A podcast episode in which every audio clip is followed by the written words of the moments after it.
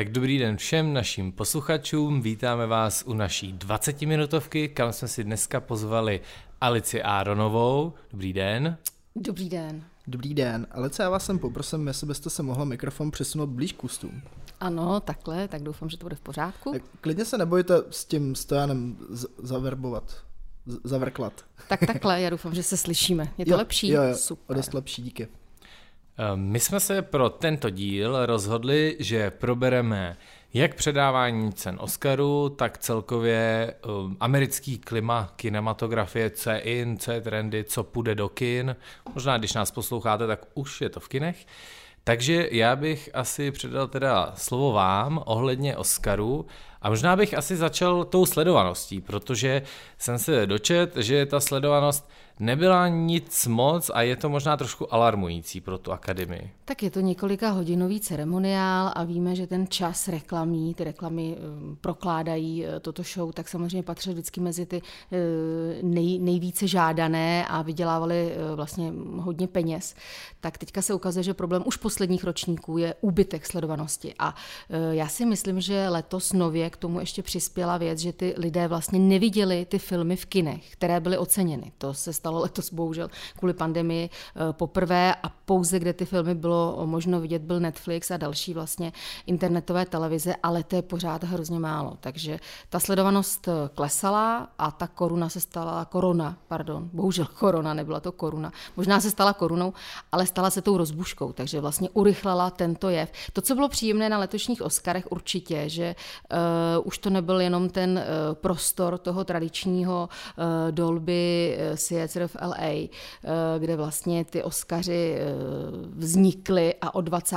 let se udílely, ale uh, nově letos, aby se to rozprostřelo do více prostorů kvůli koroně, tak se to točilo i v prostoru železničního nádraží v LA. Mimochodem režisérem tohoto večera byl Steven Soderbergh, což je skvělý americký režisér, takže já si myslím, že to bylo velmi originální vizuální pojetí.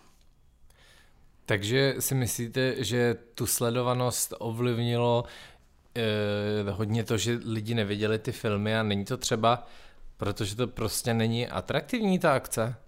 To je otázka. Pravdou je, že vlastně, když jste se dívali letos na Oscary, tak určitě vás překvapilo, že tam nebyly ty tradiční ukázky což je velmi zajímavé, protože mnohdy se stává, že ten film neznáte, vidíte ukázku, nalákáte se a půjdete do kina. Tak tady byly jenom ukázky u těch hlavních kategorií. Spíše to bylo pojato jako show, že vlastně ti předávající říkali nějaké trefné postřehy, historky o tom, kdo zvítězil. Takže bylo to pojato hodně verbální formou. Další věc bylo, a to taky pro mě je šokující, že hlavní film, což je vlastně ta nejdůležitější soška a vždy to bylo na ten samotný závěr, tak letos to bylo vyhlášeno ještě před hlavními hereckými cenami, takže vlastně herci letos stoupili úplně do absolutního popředí. No a je to, je to, je, je to jakoby, no, no, no, no, jak bych řekla, tyhle ty malé změny ukazují, že je tlak na akademiky ten večer dělat jinak. Takže my uvidíme, až ty lidé se dostanou do kin, jestli to pomůže a jestli sledovanost začne postupně narůstat, nebo naopak americký divák už třeba nechce ani ten dlouhý formát. Ono opravdu jako dívat se několik hodin, i když samozřejmě na krásné emotivní momenty. Často lidé i typují, takhle to opravdu ty filmy neviděli a neměli ani co typovat. No tak, vzhledem k tomu, že se dneska, ne dneska, letos přihlásil dost o slovo Netflix na Oscarech, i když nevyhrál, tak je vlastně dost vidět, že ten tlak na ty krátkometrážnější, nebo respektive kratší filmy je velký.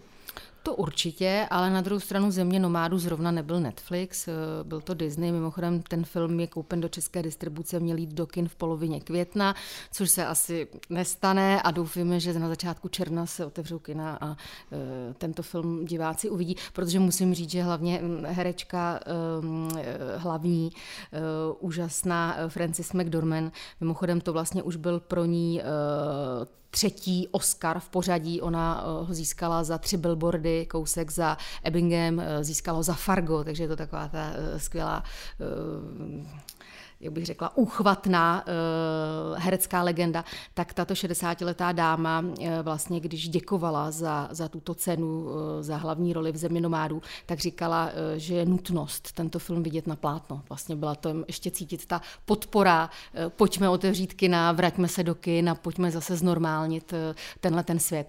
Ale na zpátek k Disney a k Netflixu Disney, zrovna Zemi nomádů, já jsem vlastně už to říkala minule, je to, je, je to geniální road movie eh, vdovy, která putuje tou svojí dodávkou po státech a eh, je zajímavá samozřejmě ještě i režisérka eh, Chloe Zhao.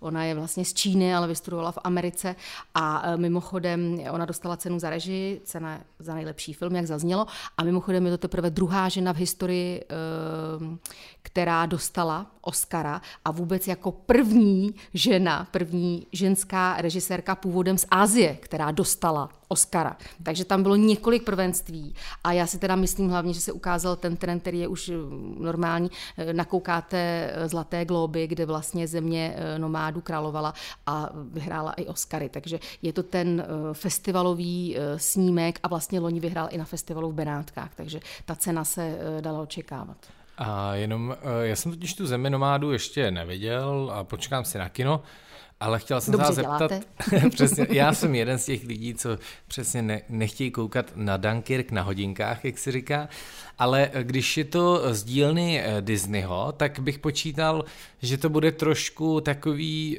je, mm, teď to nechci jako nějak generalizovat, ale nějak jakoby veselý, nebo, nebo ten Disney, jsou tam jenom peníze toho studia, Není to nějaký, že by to bylo jako, nechci není. říct pohádka, ale jako, že to skončí dobře? Nebo ne, ne, ne, ne, tam v tomhle filmu vlastně svým způsobem ani není happy end, ale není to právě to sociální drama. Já když tady vyprávím, že je to příběh nezaměstnané ženy, eh, čerstvě ovdovělé, která zjistí, že v 60 nemá na nájem a proto se vydává v tom svém eh, karavanu v té bílé dodávce napříč Amerikou a vlastně potkává se s podobně naladněnými novodobými kočovníky. To je proto, je to, je to prostě mm, road movie, ale proto jsme zmiňovali plátno, protože je to nádherně natočený ten film film je neuvěřitelně poetický a ta obrazová koncepce eh, je geniální. A zároveň, jak říkám, je to skvělá sociální kritika, ale není to drama, takže vy se bavíte, je tam humor a je to taková ta trefná sociologie současné Ameriky viděna očima čínské režisérky. A jednoduše je to film o svobodě. A to je vlastně jako věčné téma eh, nejen Oscaru.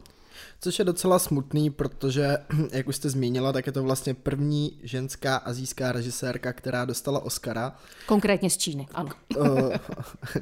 A mě na tom vlastně zamrzel a zarazil jeden fakt, že jak čínská vláda, tak čínská kulturní obec zarytě mlčí. Nepřiznávají to, že dostali Oscary. To je ale zase opět jako běžný jev. My vlastně, když tady oceňujeme nějaké čínské filmy, tak to jsou uh, filmy, které vůbec běžně se nedostanou v Číně do distribuce. My si musíme uvědomit, že ta cenzura v této zemi je opravdu velká a to je podobně třeba i v Iránu. My nakoukáváme a oceňujeme uh, například rozchod na Dada Asimin, prostě geniální iránský snímek o manželské krizi, kritika iránského režimu, ale v Iránu ten film vlastně nikdy nešel a uh, my tady upozorníme v rámci Berlinále, že tento film je dobré vidět a je to podpora vlastně nechci říct toho režimu, ale spíše těch tvůrců žijících v tomto režimu a bojujících cenzurou. V té Číně je to úplně to samé. A myslíte si teda, že ta že v tom filmu je cítit to, že ta režisérka eh, pochází z Číny, kde je ten totalitní režim, že nějakým způsobem, protože jsi říkal, že to je o svobodě, tak je tam nějaká paralela mezi tou Čínou a tím road movie a tím, že ta ústřední postava se vydá hledat tu svobodu? Myslíte si, to tam je? Uh, tam je důležité říct, že ta, ta 39-letá uh, čínská režisérka vlastně vystudovala v Americe a žije v Americe, takže ona spíše nasála ten americký systém, který ona v tom filmu kritizuje. Je to ten systém těch hypoték. Všichni se brali hypotéky, aby mohli někde bydlet. Eh, tady je třeba příběh jedné důchodkyně v tomto filmu, která říká, já pracovala od svých 15 let a teď ve svých 60 letech nemám ani na nájem a nemám splacenou hypotéku, takže vlastně se ukazuje, že ten sociální systém je velmi nevyrovnaný a je to časovaná bomba. To, co my tady vidíme v Evropě, že nám ve Francii na předměstí v Paříži se bouří bídníci, o kterých jsme hovořili minule v rámci evropských filmů, tak vlastně, eh, a to jsou přistěhovalci, tak vlastně v té Americe jsou to Američani. To je jako velmi tvrdé. Takže ten film v tom pojednává jako velmi tvrdě o současných američanech, kterým eh, je přes 60 let, mají nárok odpočívat na důchod, na vnoučata a oni na to prostě nemají peníze, i když pracovali celý život. Takže eh, oko téhle té ženy, režisérky, já bych řekla, ona je tam ještě zajímavá ta ženská linka. Jo? Je to ženské téma, hlavní ženská, bojující hrdinka a není to deprese. Ona vlastně v tom, že putuje tou uh, Amerikou, tak opravdu nachází tu svobodu. Ona se potkává s podobně, jak jsem říkala, naladěnými lidmi, takže v tom uh, je to uh, velmi volnomyšlenkářské a mimochodem já řeknu jedno číslo. V České republice za poslední rok stoupl prodej karavanů o 200%. Takže už i Češi uvažují o tom, co budou dělat v rámci korony a kde se budou posouvat ve svých autech. Takže je to určitá naděje i pro nás, pro Evropany. Ale já si myslím, že oproti té Americe my jsme furt ty, co si zabalej řízky a jedou na Balkán. že když uvidíte Čechy v karavanu, tak obvykle si jedou spíš užít léto takovým tím buranským způsobem. Než by no, v tom žili, je to pravda. Ale, ale ta čísla jsou velmi zajímavá. no, to, já spíš jsem chtěl uh, se vás zeptat, já jsem si všimnul, jak je možný, že Christopher Nolan neměl ža, uh, žádnou nominaci v rámci kamery, režie, a tak, on tam nebo... měl, on tam měl nominaci, jedna tam byla. No, já mám eh, pocit, tam byly nějaký efekty. Byly přesně tak, no. ale on je nakonec nezískal, protože vlastně původní, a to se často stává, favorit večera byl Mank, ten měl 10 želízek mm, jo, mm. v ohni, ale proměnil nakonec dvě nominace a to byla právě ta kamera a výprava. Jo. Mm. Takže najednou se ukazuje, že film, který má hodně sošek, nemusí oslovit a tady podle mě ty akademici mají určitou, řekla bych, tradici. My se k tomu třeba ještě dostaneme, eh, že vlastně oni opravdu oceňují, jak jsem říkala, za A ty festivalové filmy, ty Zlaté globy byly tou předzvěstí, ale i ceny BAFTA, kde opět zase zvítězila Země nomádů. Ale eh, na druhou stranu letos eh, ocenili právě ty ženy, ocenili menšiny a mimochodem došlo i na nejstarší vítězku v historii Oscarů vůbec. A tou se stala 89-letá eh, kostýmní návrhářka Anna Roth, eh, která hm, dělala kostýmy k filmu eh, Marejny Matka Blues, což bylo jako černožské jazzové drama. Ale to naplnění, že pojďme zvýraznit ty menšiny, začalo to už loni Parazitem, kdy to byl první azijský film který vlastně vyhrál eh, v rámci eh, Oscaru, tak ten trend pokračuje. Jo? Pojďme si všímat života menšin, pojďme si všímat i těch sociálních problémů a Mank zase zároveň já považuji za zásadní, protože je to o tom, jak se točil uh, občan Kane, takže je to ten film pro ty cinefily, je, je, geniální, včetně hereckého obsazení chytrého scénáře, je to skvělá kritika hollywoodských studií první poloviny 20. století, který měli monopol, který vlastně cenzurovali, byli napojeni na místní politiky, takže velmi důležité téma, ale už je tak vzdálené, že se ukázalo, že ty akademici teda zvolili spíše současnou látku. Je pravda, že když jsem koukal na trailer toho Manka, tak to bylo jak koukat na trailer starého filmu. Tam byla ta hudba, Černobílá pak, koncepce. Pak, ano, pak tam bylo takový to uh, rozmazaný světlo, všechno mělo takový ten glowing a eh, koukal jsem, že nějaký novinář napsal, že ač ten Mank uh, neproměnil všechny ty Oscary, tak ale získal víc Oscarů než občan Kane, který dostal jenom jednoho Oscara. Přesně tak. Takže aspoň něco z toho bylo. No. A je to hlavně příběh toho zapomenutého scenáristy občana Kanea, kterému hrozí právě celou dobu v tom filmu, že vůbec nebude v těch titulcích ani uveden, hmm. protože právě revoltuje a zlobí a vlastně bouří se proti uh, Hollywoodu. A on nakonec byl uveden? Byl tam uveden. Jo. A dokonce právě tu sošku eh, získal a měl zase velmi kontroverzní řeč. Ale na to se podívejte v rámci filmu Mank na Netflixu. Což teda bych se na to šel spíš podívat do kina. Souhlasím, ale bohužel Netflix tenhle ten film, jestliže už ho vlastně dál, o tom jsme se bavili eh, na svoji eh, platformu, tak samozřejmě do kin tenhle ten film už jako nikdy nepůjde. A co se týče vašeho osobního názoru, co vás ještě zaujalo na letošních Oscarech, kromě Manka a Země nomádů? Měla jste tam nějakýho jiného favorita? Já jsem měla Země nomádů. Já jsem vlastně týden ještě před Oscary už v rádiu hovořila o Země nomádů protože, jak říkám, pro mě je to nesmírně emotivní drama, eh, citlivě vystavěno a eh, zároveň, jak jsem říkala, chytrá eh, kritika a téma svobody. Ale určitě za pozornost tam stojí z hereckých cen Anthony Hopkins. To bylo taky velká otázka, proč vyhrál. Zřejmě vyhrál i kvůli věku. To se často stává, že vlastně akademici mají pocit, že se toho Oscara ještě ten herec má převzít. Byl to film Otec, a kde stvárnil muže se stařeckou demencí, který vlastně postupně ztrácí povědomí o realitě. A tam se zase čekalo, že má naopak toho Oscara čestného z filmu má Rainy Matka Plus získá zase hlavní herec, který zemřel na rakovinu. Tak to se nestalo, ale byl tam připomenut. Takže ty akademici tady nesadili na tu jistotu eh, dát posmrtného Oscara, což jinak dělají docela často, ale ba pak zase ocenili eh, starého geniálního eh, herce. Takže to asi taky stojí za povšimnutí a potom určitě vedlejší roli, vedlejší roli si odnesl Daniel Kuli, který vlastně se hrál takového radikálního, příběh o radikálním aktivismu, eh, film Jidáš a Černý mesiáš. Eh, a potom ještě sošku pro nejlepší herečku, to bylo velmi půvabné, získala za vedlejší roli eh, Jung Jung. Doufám, že ji čtu správně, protože ona se rozčilovala v rámci udílení cen, že eh, Brad Pitt, producent snímku, vlastně ji vyslovil špatně a všichni vyslovali špatně, protože prostě z Jižní Koreje. A, ale ona právě stvárnila tu energickou babičku o korejských přistěhovalcích v současných státech. Takže, a ten film se jmenuje Minary. Tak ten naopak na něj já se těším, já jsem ho neviděla, ale ta děkovná řečitel té staré jeho korejské eh, dámy, která se tam úplně rozplynula a říkala Bredovi Pitovi, konečně vás poznávám, já jsem vás na natáčení vůbec neviděla jako producenta a teď v rámci Oscaru mi dáváte cenu. Takže tam byly takové vlastně jako půvabné momenty, když ten ceremoniál sice dlouhý, sledujete, tak to jsou ty osvěžující a určitě zapamatovatelné eh, chvilky. Takže eh, k typům určitě film Minary, ale nemůžu říct více, já sama se na ní těším. Pak eh, teda o tom se bavili v našem minulém díle. Eh, film za neanglicky mluvící film, teda cenu za neanglicky mluvící film vyhrál Chlast. On se dokonce zajímavé, že se používá dvojí označení. Buď to cena za neanglicky hovořící film, anebo cena za cizojazyčný film. A vlastně jsme vždycky řešili, která označení je správné, ale eh, používá se obojí, takže obojí. A získal chlast, ano, získal chlast, protože je korona a uh, všichni tomuto tématu rozumí.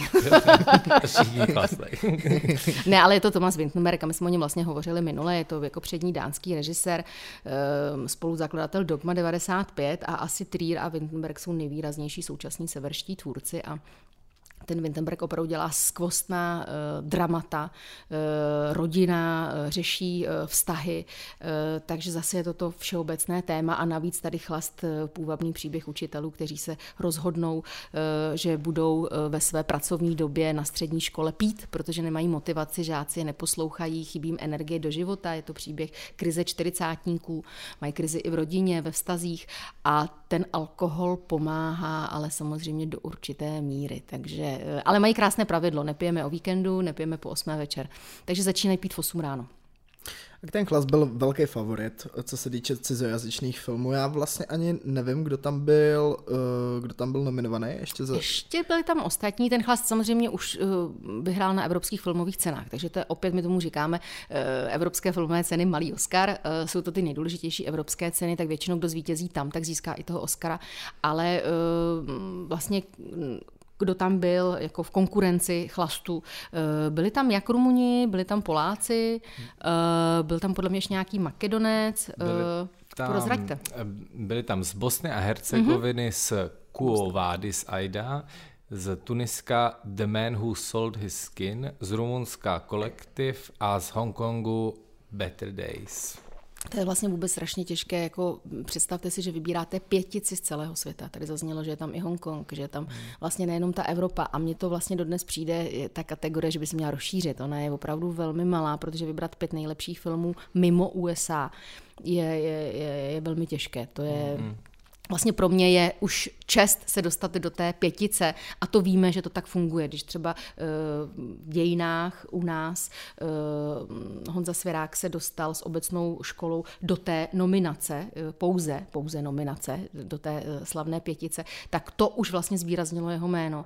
Už v rámci té nominace jedete do toho Hollywoodu a zažijete ten ceremoniál a zažíváte potom celý rok ty nabídky na další projekty a hrnou se vám scénáře a vy máte možnost si vybírat vybírat své budoucí látky velmi svobodně, protože ty projekty jsou často zafinancovány. Takže hmm. ten Oscar opravdu není jenom o tom, jakože vy se zvýrazníte na, na, na ten večer, ale celý další rok, až do dalších Oscarů eh, jste king v tom svém oboru a můžete si vybírat svobodně další látky, což je jako velmi důležité. Uh, Alice, my vám moc děkujeme, že jste dneska dorazila. Náš čas se opět neúprosně krátí, ale určitě se ještě uslyšíme a budeme později v dalších 20 minutovkách debatovat o evropském filmu. Máte nějaká slova na závěr? Já bych jenom řekla k těm Oscarům, že vlastně, když si vezmeme, že jsou udíleny od, eh, té, od toho konce 20. let, eh, vlastně mm, filmy z let 1927 a uh, ceny proběhly poprvé uh, 1928, já tam řeknu jenom dvě čísla na závěr. Tehdy se rozdávalo 12 sošek, takže víceméně všechny filmy byly oceněny, co se ten rok vyrobily v Hollywoodu. Byla to dobrá reklama pro Hollywood. A dneska se předává 23 sošek, takže vidíme ten nárůst. A původně oceňovalo filmy 230 akademiků a dnes je to 6 000 akademiků z celého světa. Takže původní malý banket pro 250 lidí, kde lidi si koupili vstupenku v ceně 5 dolarů a um, udělovali, oh, pardon, a zúčastnili se toho uh, večera, tak eh, dneska samozřejmě je to obrovský zájem médií, přímý přenos do televize a tak tak dále. Má to prostě mezinárodní rozměry a e, Oskaři je možno vidět ve více než 200 zemích světa, takže e, Oskaři narůstají, ale ta letošní krize byla velmi vážná a jestliže filmy nebudou v kinech, tak, tak ten úpadek tady hrozí. Tak e, my děkujeme a budeme se těšit na další 20 minutovku. Díky moc, mějte se hezky. Naslyšenou. Naslyšenou.